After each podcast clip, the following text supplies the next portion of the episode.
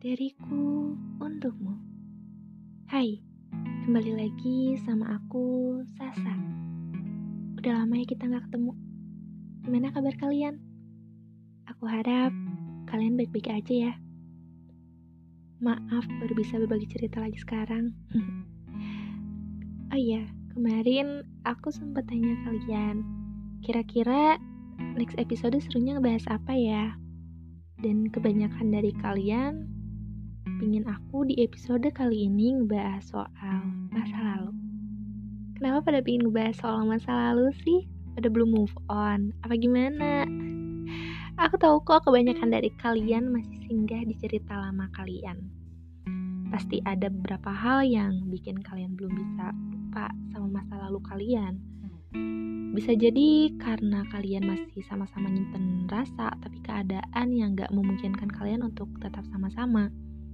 Atau mungkin kalian ngerasa kalau momen indah sama dia tuh gak boleh hilang gitu aja. Dan ada yang pernah tanya ke aku kayak gini, Sya, aku udah putus sama dia udah hampir mau setahun padahal.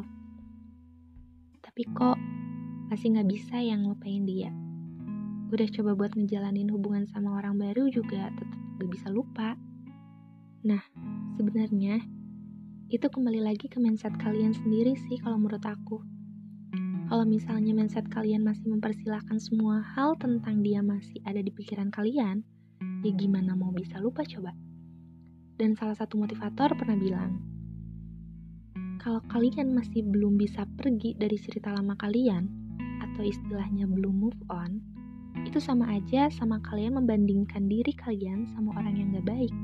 Kenapa kayak gitu? Karena orang yang gak baik itu cepat move on.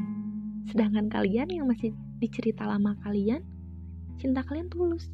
Itu yang bikin kalian harusnya bersyukur. Tapi tetap, gak boleh kalian lama-lama stuck. Terus, terusan di cerita lama kalian. Kalian harus ingat sebelum kenal mereka, kalian pernah bahagia bukan? Terus kenapa sekarang gak bahagia lagi? Padahal kan sama-sama tanpa dia. Gak ada gunanya kalian terus-terusan kayak gini. Sedih, marah, kecewa. Kan gak mungkin bisa ngembaliin waktu. Kalian gak mungkin bisa ngembaliin sesuatu yang udah hilang. Karena terkadang di hidup ini kita harus berani melepaskan untuk mendapatkan sesuatu yang lebih baik.